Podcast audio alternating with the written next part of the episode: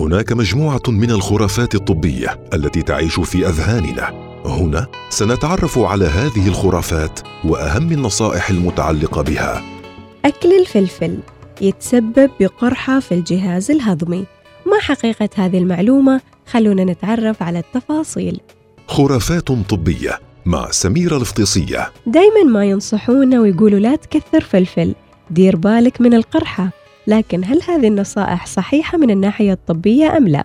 خلونا نتعرف على التفاصيل تقوم معدتك بعملية هضم الغذاء الذي يصل إليها عن طريق الفم وذلك باستعمال خمائر وأحماض متعددة وأهمها حمض البيبسين وحمض الهيدروكلوريك اللذين يعملان معا على هضم الطعام بمساعدة حركة عضلات جدار المعدة التي تقوم بعصر ومزج الغذاء حتى يتحول لخليط سائل لتتم عملية امتصاصه من الأمعاء ومن فضل الله سبحانه وتعالى ورحمته أن جعل السطح الداخلي من المعدة مغطى بطبقة من مادة مخاطية مهمتها حماية جدار المعدة من الأحماض وخصوصا حامض الهيدروكلوريك المعروف بحمضيته العالية حتى لا تهضم المعدة نفسها.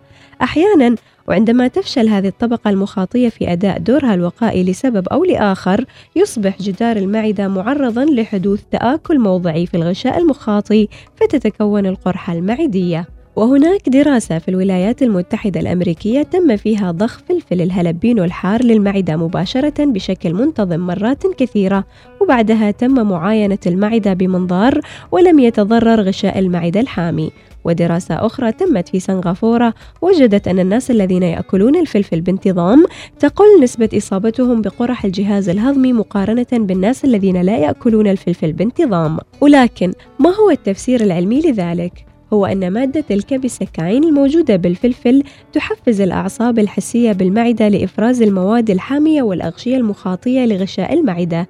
إضافة لذلك أن الفلفل لا يزيد من إفراز أحماض المعدة بل يقللها. والسبب الرئيسي لتكون قرح المعدة هي بكتيريا ال H. pylori المسكنات غير السترودية مثل البروفين والكتافلام الكحول والتدخين. لكن هناك ملاحظة مهمة يجب توضيحها. إن الفلفل يمكن أن يهيج ألم القرحة الموجودة أصلاً، لذلك ننصح المصابين بالقرحة بتخفيف الفلفل والبهارات بصورة عامة، والحقيقة العلمية تقول إن الفلفل براءة، الفلفل لا يسبب القرحة. خرافات طبية مع سميره الفطيسيه يوميا في الأوقات التالية.